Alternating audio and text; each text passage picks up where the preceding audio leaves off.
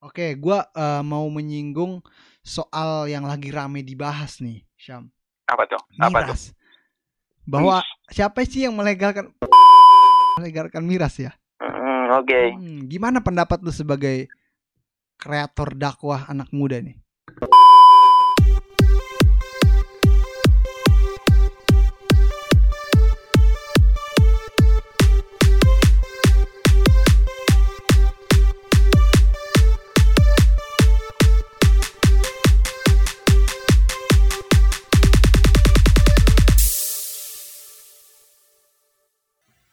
Assalamualaikum warahmatullahi wabarakatuh. Kembali lagi bersama gua Muhammad di Potsrak. Tentunya di episode Jonas Sharing. Kali ini gue bakalan ngobrol santai sama salah satu mahasiswa yang sekarang udah menjadi dai, dai muda tentunya. Orangnya ganteng, asal Garut, namanya Muhammad Hisam Jahid. Eh salah, Hisam Muhammad Jahid gitu. Dia sekarang kuliah di Uinsa Surabaya. Nah langsung aja nih, nggak perlu lama-lama, kita langsung telepon. Ya terhubung gak nih? Mudah-mudahan terhubung ya.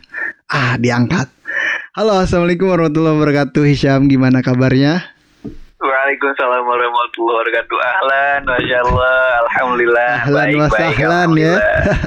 Alhamdulillah, sehat, sehat. Sehat gimana kabar hari ini? Sehat. Aman, aman. Alhamdulillah hari ini Hmm. hari yang masya Allah banget. Masya Allah Hari banget. ini. Ini hari apa ya, ini? Setiap hari, hari Sabtu malam minggu. Uh, masya Allah banget berarti Masya ya. Allah. ini Bagi-bagi kita anak malam minggu. muda ya.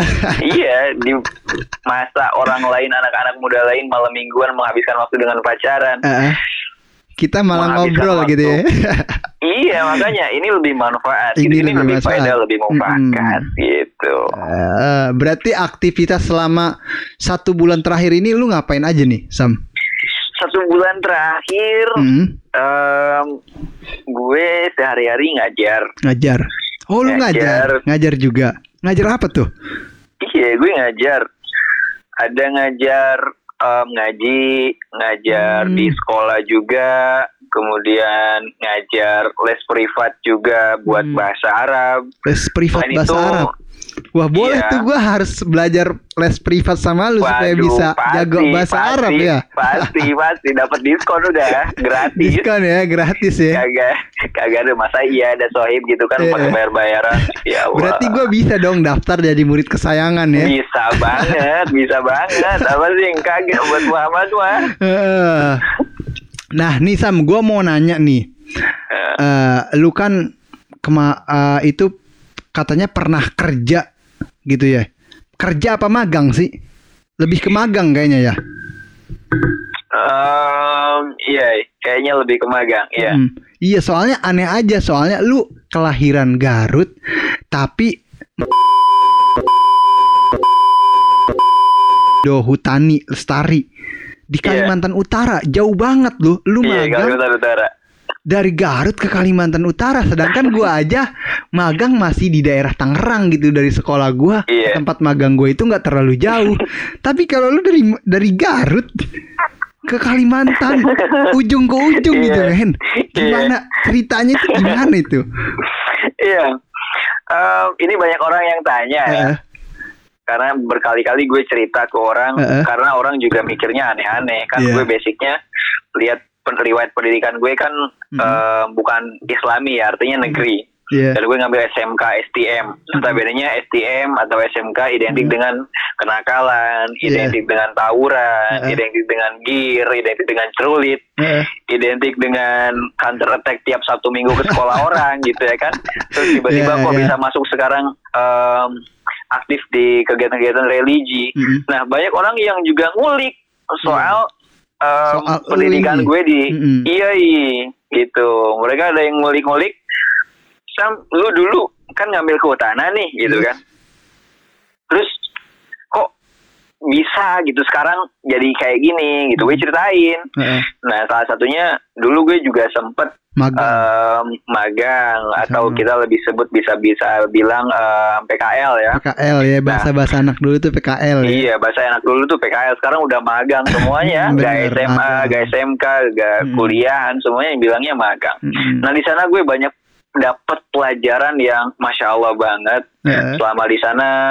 Heeh. Terutama kita belajar soal kearifan, toleransi. Iya. Apalagi di sana kami sebagai Muslim adalah kaum minoritas Heeh. dan mayoritasnya adalah mereka-mereka sahabat-sahabat kita dari non Muslim, baik itu umat Kristiani, umat Katolik Heeh. dan lain sebagainya Heeh. gitu. Nah, di sana em, kami dijunjung tinggi untuk membawa em, bukan lagi kebenaran menurut religi Hmm. karena udah pasti religi kita sangat sangat berbeda. Iya. Tapi ada satu kebenaran yang bisa menyatukan kita yang disebut kebenaran nasionalis. Hmm. Artinya di sana orang-orang berbaur menjadi satu atas nama bangsa, negara, kesatuan Republik Indonesia Heeh. gitu mereka mereka mengajarkan gue soal itu dan gue ingat bahwa sebetulnya wajah Islam itu adalah toleran Yes. gitu makanya setelah itu em, sampai sekarang gue aktif di kegiatan-kegiatan religi Hmm. kegiatan-kegiatan keagamaan juga Hmm. kuliah di universitas ternama keagamaan Heeh. gitu Tapi yang paling yang yang paling aneh ini sedangkan iya gitu. Gua gua aneh aja sedangkan pendidikan latar belakang lu dulu itu pendidikannya negeri semua tiba-tiba masuk pondok pesantren itu gimana apakah lu dapat hidayah gitu setelah Oke. lu apa magang atau PKL di Kalimantan atau gimana ini Iya. oke oke aneh banget gitu Um, nggak lazim menurut gua pasti pasti tapi tapi lazim bisa banget. aja menurut orang itu masuk akal dapat hidayah mungkin Oke. dia setelah PKL gitu kali ya Iya, iya. Kali gimana ya? Menurut orang banyak yang bilang ini gak make sense banget, Iya. gitu kan? Ini gak make sense banget. Nah, Even lu pernah eh, ngelakuin sesuatu yang bersifat religi, Uh-uh. belum tentu ke depannya lu bakal aktif dan istiqomah terus di situ, Iya, atau soalnya- konsisten terus di situ. bener bener soalnya sorry gue potong soalnya kata lu tadi ya anak SMK gimana men nggak Iya, identik dengan makanya. tawuran identik dengan nyerang sekolah sono sekolah aja bawa gear gitu bocah Iya, lurit gitu kan anak SMK Makanya. banget gitu anak anak tahun 90 2021 2000 2000 2000 2001 ya kayak gitu semua rata-rata gitu ya Ah, ah, ah. Ya, tiba-tiba lu dapat hidayah apa gimana ini setelah balik dari Kalimantan? Ehm, Oke, sebenarnya kalau soal itu karena emang gue punya basic Nah, di em, rutinitas keagamaan. ya. Jadi memang basically my family keluarga Hmm. gue memang kental dengan em, keagamaannya. Hmm, Ya jadi- kita sebagai penganut oh, iya, agama iya. Islam. Benar-benar. Jadi yang mendasarkan lu agama untuk Islam, masuk gitu. Agama Islami eh untuk masuk untuk terjun ke pondok pesantren ini ya emang sudah ada dari lingkungan keluarga itu sudah islamik Iya, banget ya, sudah iya, religius lingkup- banget. Iya. gitu. Mm-mm. Oh, wajar lah, kecuali lingkungan keluarga lu barbar banget nih tiba-tiba lu dapat Nah. hidayah itu aneh. Nah itu itu baru Hmm. gitu kan. Kalau ini kan posisinya karena emang basically Yes. eh, keluarga gue emang udah seperti itu karena memang em, aktif juga keluarga gue di kegiatan-kegiatan keagamaan. Hmm, Belum iya, lagi iya. lingkungan lingkungan lingkungan gue Hmm. yang Iya. eh, apa em, mendukung Heeh. untuk em, gue aktif di dunia keagamaan atau mungkin kita em, konsisten di Heeh. dunia keagamaan. Hmm, Gitu. iya, iya. Oh, jadi lingkungan sekitar tempat lu tinggal juga mendukung lu untuk menjadi anak pondok gitu ya. Mendukung banget. Hmm. Justru mayoritas di tempat gue itu anak-anak pondok semua. Hmm. Bahkan di daerah gue itu mulai dari ujung sampai ujung lagi itu memang kawasan pondok. Hmm, ya seperti itu ya. Ya wajar dong kalau gitu. Wajar banget lu bisa mondok itu wajar banget. Cuma sekarang iya makanya. aktivitas lu ini masih kuliah online kah atau gimana? Soalnya gue juga sangat risih banget nih dengan kuliah online nih. Risih Iya, banget gua. Karena Iya. gini, Bri, gimana ya? Gua sebenarnya mau ngeluarin unek-unek gua aja nih, Sam. Lu mahasiswa, gue juga pun mahasiswa gitu ya.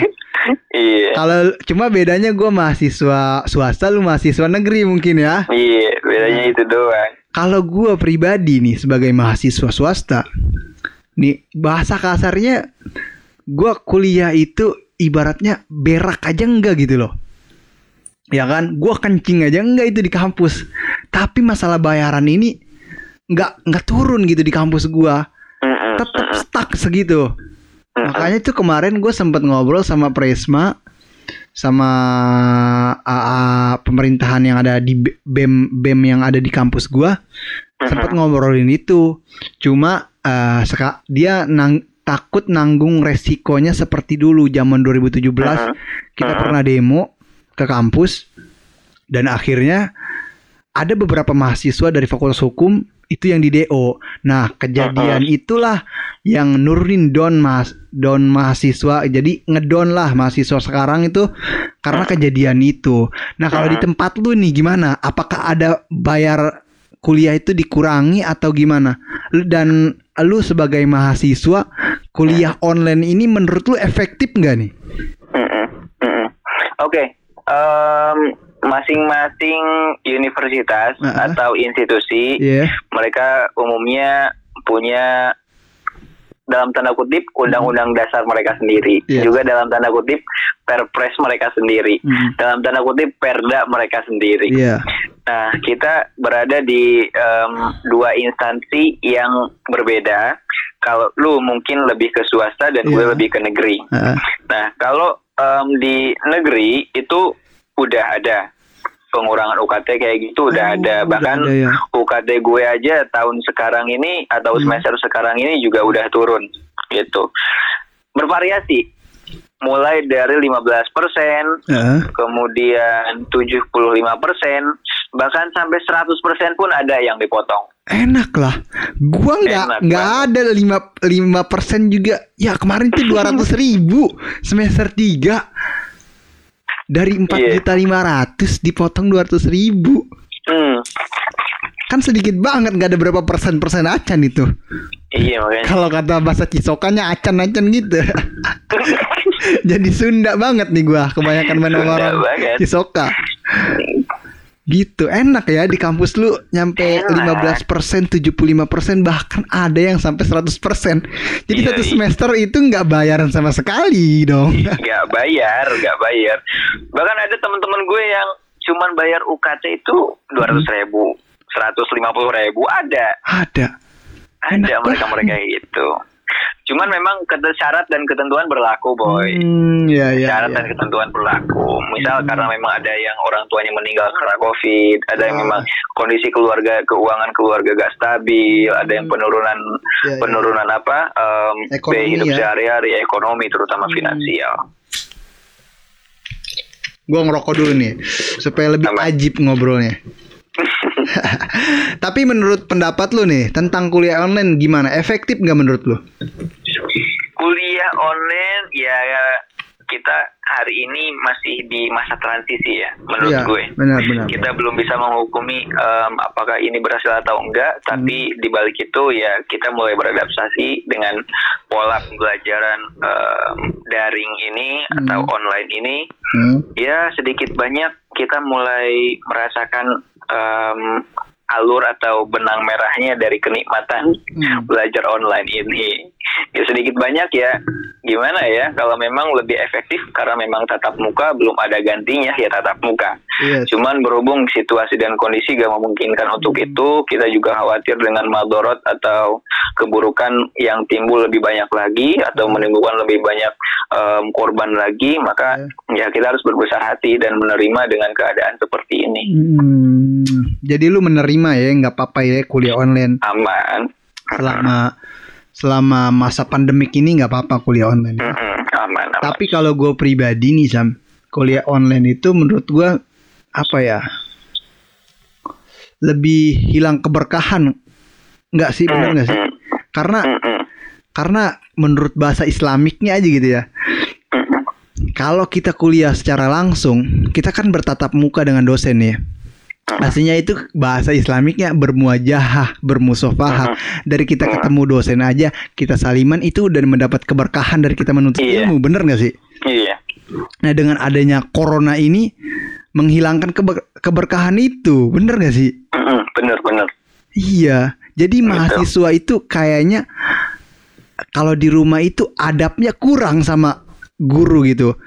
Ya Iya. gua gua sih nggak nggak nggak apa ya nggak terlalu rasis gitu ya nggak terlalu mencondong eh, ketika lu punya guru di kampus lu samain lah sama kayak guru di pondok gitu. Lu memuliakan guru sama sama saja lu memuliakan ilmu, bener gak sih gitu ya? Mm, mm, mm, mm. Nah, makanya itu ketika ada kuliah online seperti ini, ada mahasiswa yang sambil tidur mendengarkan dosennya, ada yang Iya, sambil ngopi. Gue pribadi aja, gue pribadi aja ditegur sama dosen kuliah sambil ngerokok, karena gue Hmm. ngerasa ya ini lingkungan gue, rumah gue sendiri. Kecuali Iya. ada guru, ada dosennya di depan, gue akan menghormati dia gitu Mm, mm, mm. Gitu. Tapi menurut pendapat lu gimana tuh tentang pribadi gue yang kayak gitu, tentang eh, beberapa mahasiswa yang berperilaku seperti itu ketika dosen menerangkan dia malah tidur atau apalah gitu, makan gitu.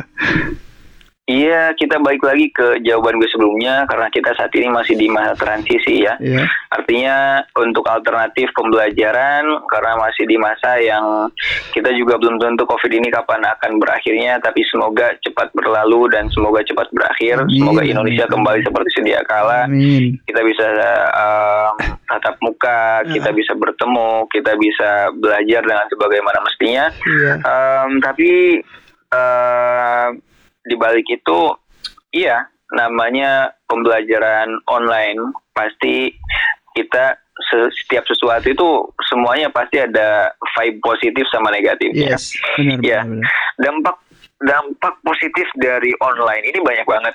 Mereka-mereka yang em, mahasiswa-mahasiswa yang sambil kerja, yang sambil nyari mata pencaharian, sambil nyari penghidupan, mereka bisa tanpa harus meninggalkan kewajiban mereka untuk mencari nafkah, mencari kerja itu dengan kuliah. Iya. Artinya keduanya bisa balance gitu. Iya, bisa Bahkan- berbarengan ya gitu. Iya, tinggal tinggal masuk kelas, em, kemudian Lewat Zoom. taruh lah lewat Zoom atau lewat Google Meet. Iya. Tinggal kalau emang nggak bisa dengerin di satu tempat ya kita tinggal matiin kameranya, taruh di saku sambil kerja, terus kita masukin earphone ke telinga kita Uh-uh. sambil kerja, wah hasil kita sambil belajar Mm. gitu. Tapi juga di balik itu kita nggak menutup kemungkinan juga kita nggak menutup bahwa ada dampak-dampak negatif. Iya. Pertama, dampak negatifnya soal moralitas ya, terutama moralitas bangsa atau moralitas anak muda mahasiswa yang Ya. notabene adalah agent of change atau agen-agen perubahan juga Iya. sebagai social control, Heeh. em, kontrol terhadap lingkungannya gitu kan. Lingkungan itu dimulai dari diri kita sendiri Iya. tentunya. Benar benar. Nah, artinya memanage diri kita sendiri Mhm. ya dengan sebisa mungkin ya kita tetap harus menghargai dosen Iya. gitu kan kita harus um, tetap uh, menjalankan norma-norma yang ada bagaimana cara kita bermuamalah Iya. dengan orang yang lebih tua Iya. bagaimana cara kita untuk menghargai orang yang lebih di bawah kita kita harus pintar memposisikan Iya. diri di situ cuman memang kalau memang harus memungkinkan banget atau mengharuskan banget untuk kita melakukan hal-hal yang seperti kayak kerja tadi selama kita dapat izin Hmm. misal ya, minta izin sama dosen kemudian untuk menutup kamera untuk melanjutkan kegiatan it's okay selama ada izin no problem Iya. gitu tapi di balik itu karena memang eh, dosen juga punya em, apa istilahnya punya kewenangan sendiri di kelasnya karena bagaimanapun waktu kita tersita selama 45 sampai satu setengah jam untuk mata kuliah tersebut gitu kalau yang gue lihat seperti itu karena memang Hah. pola pendidikan di kuliah ini adalah andragogi bukan lagi pedagogi kalau Hmm. andragogi jadi si dosen atau guru bukan sebagai kebenaran tunggal Iya. artinya mahasiswa boleh mengutarakan Mengkritik ya. mengkritik dan si dosen harus menerima itu. Beda lagi sama eh, model pendidikan sekolah. Kalau sekolah menengah atau sekolah dasar semuanya adalah pedagogi. Pedagogi itu adalah guru merupakan satu kebenaran tunggal. Iya. Nggak bisa kita menyalahkan guru karena memang beban Benar. seorang guru. Benar. Iya benar. Karena memang beban seorang guru adalah untuk membuat karakter, Iya. mencetak karakter Hmm. yang beradab, Iya. yang berakhlakul karimah, Eh. yang benar-benar mereka bisa menghargai yang lebih tua, menghormati yang lebih tua dan menghargai yang lebih bawah. Eh. Mereka ditanamkan untuk seperti itu. Eh. Tapi ketika masuk ke dunia perkuliahan, itu semua diganti dengan model pembelajaran atau model pendidikan andragogi. Iya. Gitu. Oh, seperti itu. Jadi nggak. Jadi kita di samping kita kuliah di rumah tapi tetap adab terhadap guru itu harus dipakai harus diterapkan ya. Harus harus. Oh, berarti iya, gua salah iya. ya salah ya. Hmm, ya kita koreksi diri kita masing-masing kita introspeksi gitu. Iya iya iya. Hmm, salah banget gue tuh Wah, jangan ditiru nih Iya. sobat-sobat guru nih yang selalu mendengarkan Nah, iya. podcast abstrak jangan ditiru ini. Nah, gue mau menyinggung karena lu eh, setelah lulus dari SMK Negeri 4 Kehutanan ini lu memutuskan untuk mondok. Nah, gimana nih eh, sebagai mahasiswa juga merangkap sebagai santri, ya kan? Apalagi sekarang lu udah mengajar privat bahasa Arab, juga ngajar ngaji. Apa dampak yang lu dapatkan setelah eh, dari, dari lingkungan yang dulunya apa ya barbar atau gimana ya bejat lah gitu bisa dibilang tiba-tiba lu menjadi soleh apa dampak yang positif yang lu alamin pada pada saat sekarang nih Em, gede banget ya dampak positifnya. Pertama eh, mungkin di dulu di masa-masa SMK Heeh. sebelumnya bukan gue ya, cuman lebih ke lingkungannya Mm. gitu. Lingkungan yang identik lingkungannya, tapi bukan personnya. Karena personnya boleh jadi mereka di sana adalah murid untuk belajar Mm.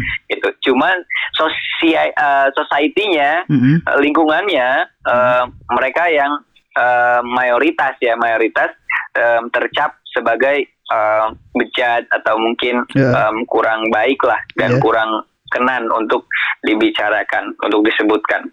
Nah dampak baiknya atau dampak positifnya ya banyak banget ya. Pertama em, setelah gue awalnya di sekolah umum, kemudian di rumah juga justru religi, Iya. agama, Mm. kemudian em, gue masuk mondok, kuliah juga di Universitas Islam gitu kan. Iya. Banyak banget dampaknya. Mm. Artinya kita bisa banget untuk eh, berkacamata dari pengalaman Iya. gitu. Ketika kita eh, menemukan satu hal baru Mm. yang dirasa kurang em, sinkron dengan norma-norma keagamaan atau norma-norma kebaikan, kita bisa melihat atau meninjau itu dengan referensi pengalaman diri kita sendiri. Heeh, gitu. benar, benar. Kita nggak asal langsung menjudge mereka.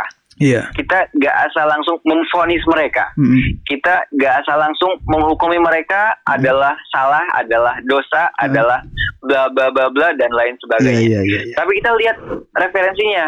Dulu itu lingkungan kita kayak gimana? Hmm. Gitu.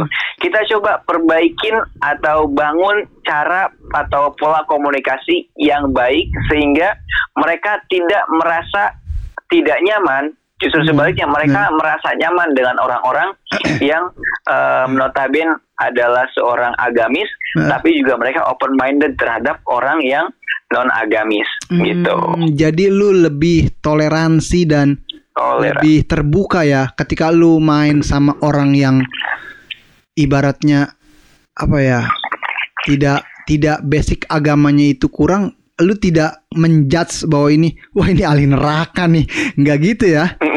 Karena pengalaman orang itu beda-beda. Justru Iya. peran lu di situ tuh harus bisa menasihati mereka supaya tidak tersesat terus ya. Bener nggak? Bener ya. Hmm, karena berdasarkan pengalaman lu gue pernah ada di posisi itu. Dan dulu gue mungkin dulu gue mungkin belum mengerti agama lebih jauh setelah gue pondok setelah gue mondok atau setelah gue udah berada di lingkungan yang udah islamik banget gue ngerti perasaan dia gitu ya.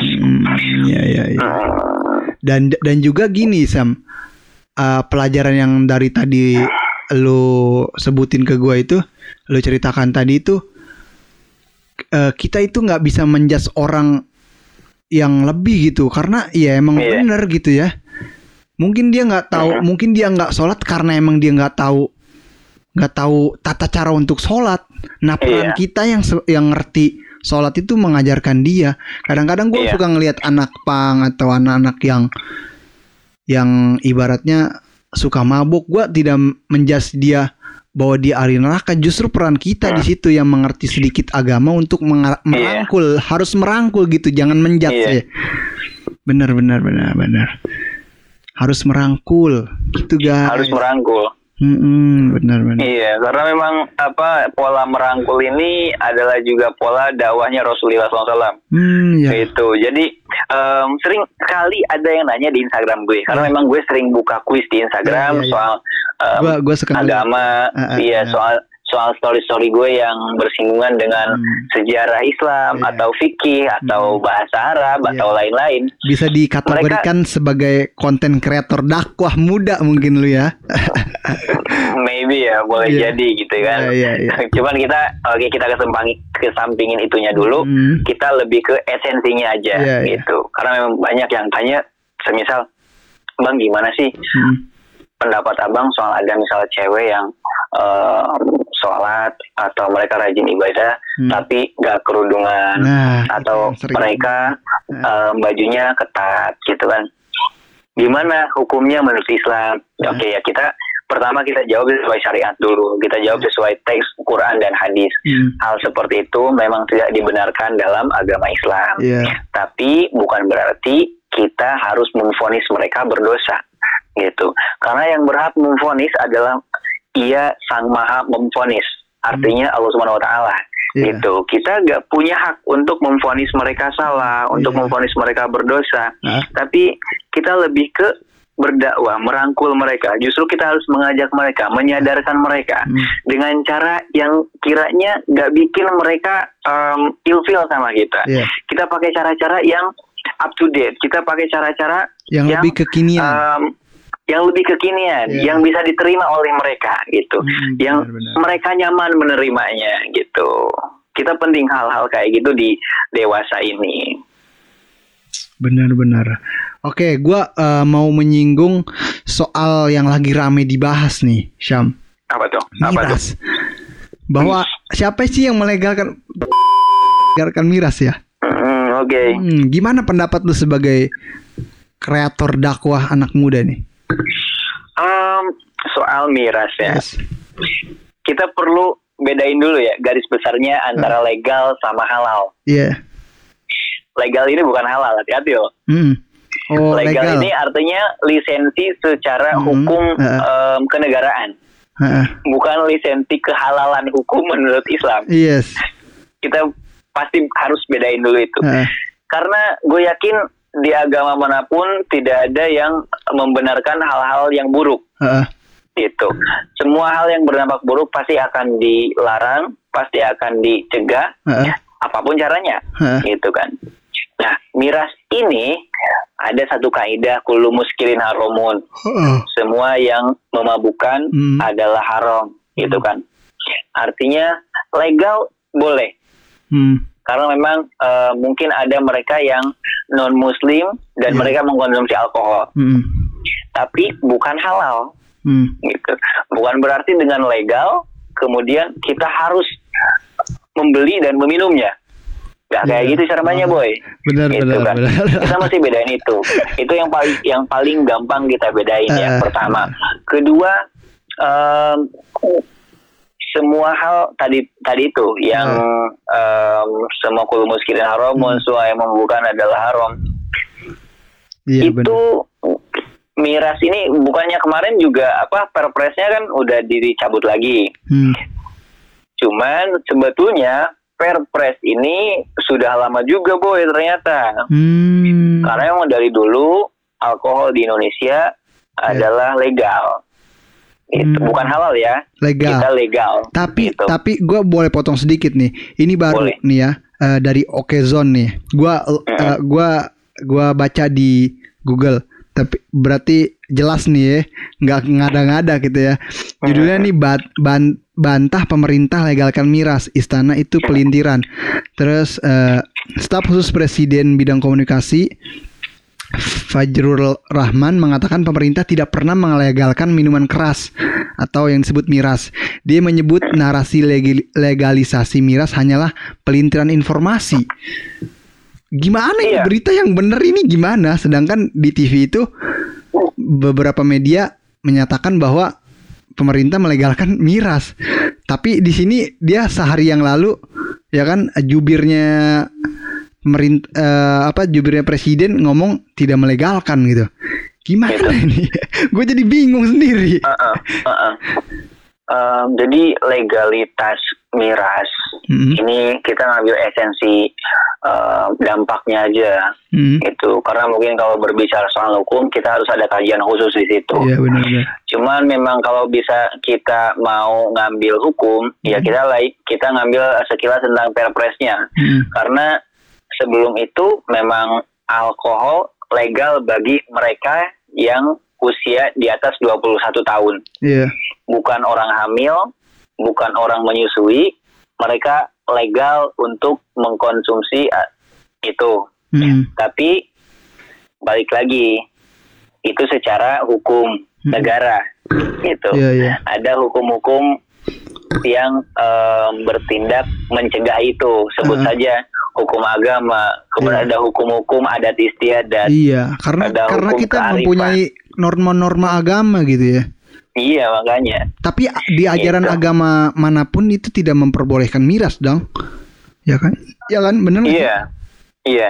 Mau Islam mau Kristen gitu. Oke, iya. Sepengetahuan gue kayak gitu. Hmm. Dan beberapa dari temen gue yang nonis atau non Islam, mereka juga bilang bahwa Tuhan mereka atau ajaran mereka tidak membenarkan Hmm, eh, miras gitu. Karena dampaknya sangat buruk sekali. bener ya, dampak berkelanjutannya itu sangat buruk buat diri Iya. pribadi gitu ya.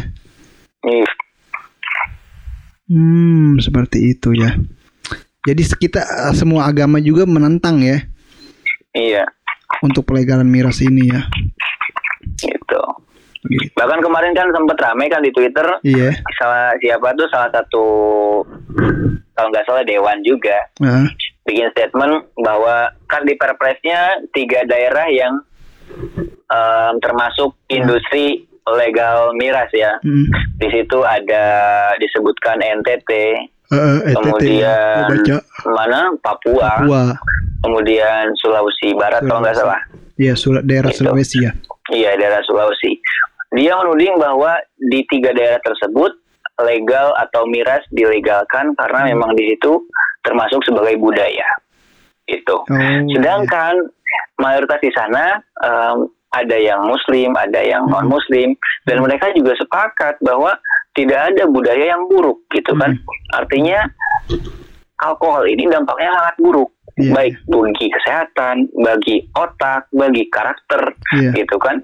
Hmm. Dan mereka tidak memperkenankan segala sesuatu yang buruk Hmm. untuk dilakukan. Hmm. Artinya mereka pun menentang dengan itu. Bahkan em, aliansi em, penduduk Papua Iya. justru mereka em, mengkritik dan juga mengancam akan melaporkan si dewan yang em, mengpublish Iya.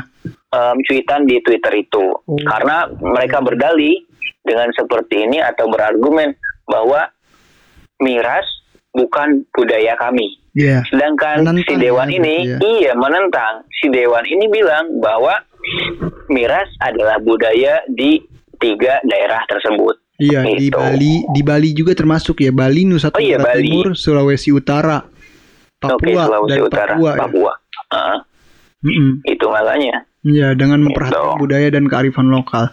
Ah, Benar-benar. Tapi benar-benar benar.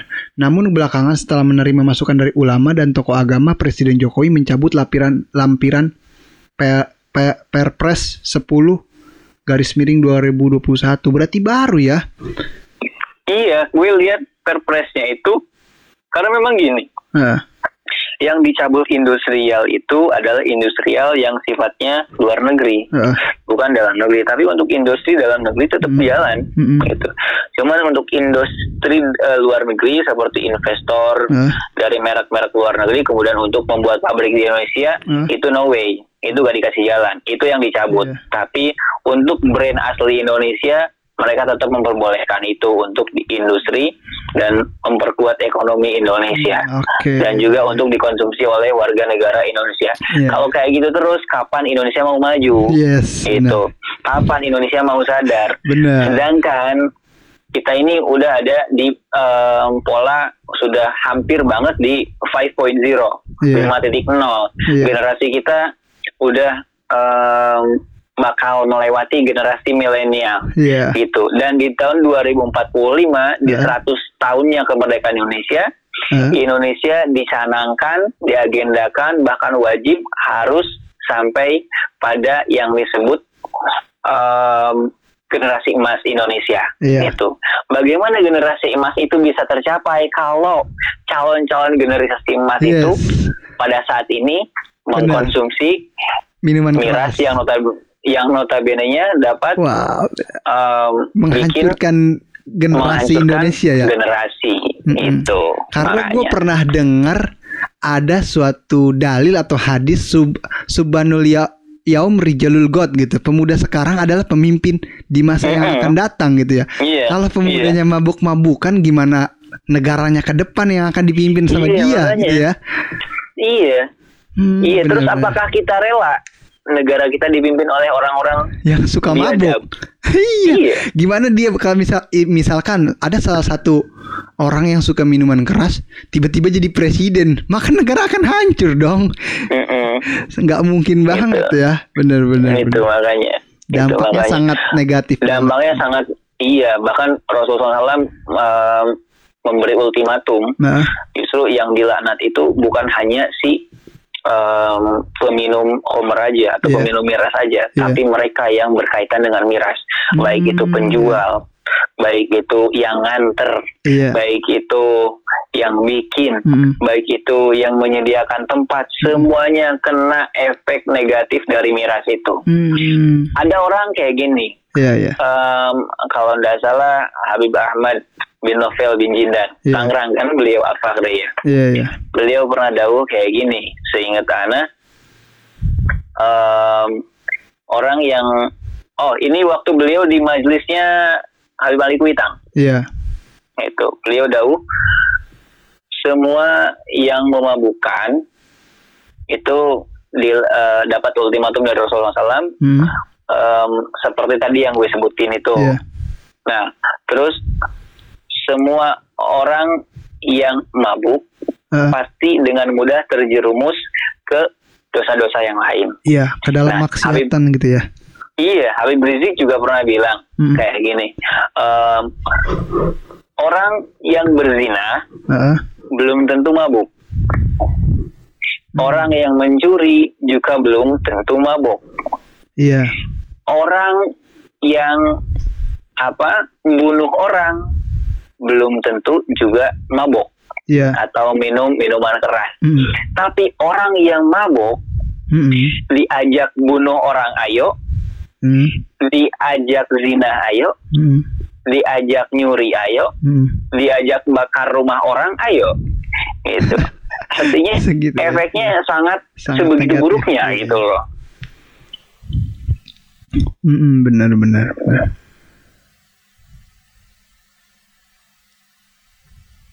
Iya. Bingung juga kita kan. Mm, benar benar dampaknya sangat negatif sekali ya Dampaknya negatif sekali kalau kita nyinggung soal miras. Hmm, oke benar-benar. Ya udah, eh, gua mau nanya, kita udah selesai nih ngebahas miras nih, Mm. yang lebih mengkerucut ke diri lu lah. Sekarang katanya Oke. lu lagi eh, buat platform dakwah nih katanya.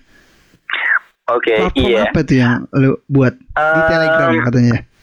Iya, gue bikin channel.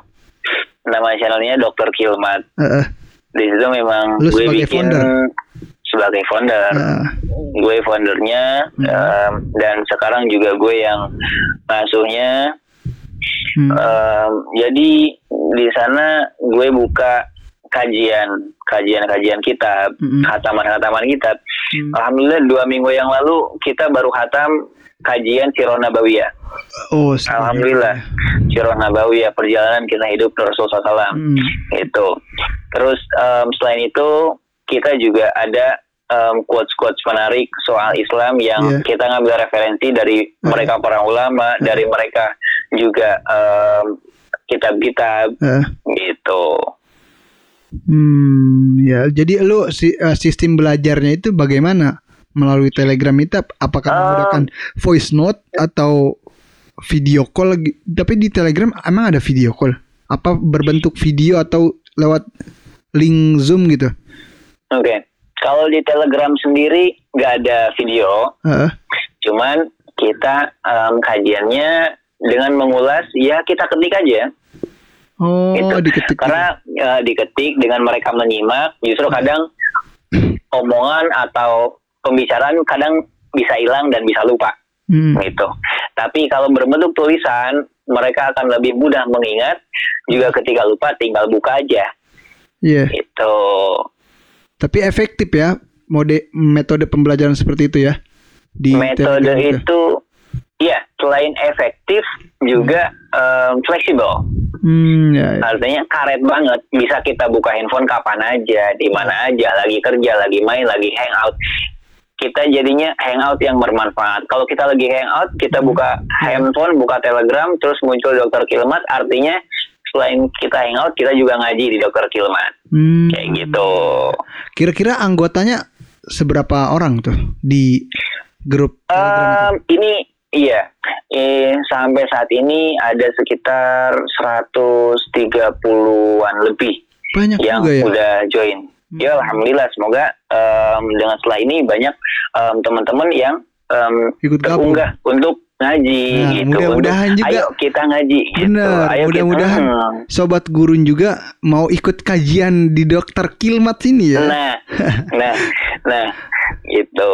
Bener-bener tak cuma eh, anggota dari dokter Kilmat yang ada di Telegram ini dari beberapa daerah ataukah cuma Jabodetabek doang? Em, kita random. Random. Hampir seluruh Random. Indonesia itu ada. Hampir seluruh iya. Hmm. bahkan em, karena gue juga em, banyak yang masuk ke dokter Kilmas Hmm. dari eh, teman-teman Instagram Hmm.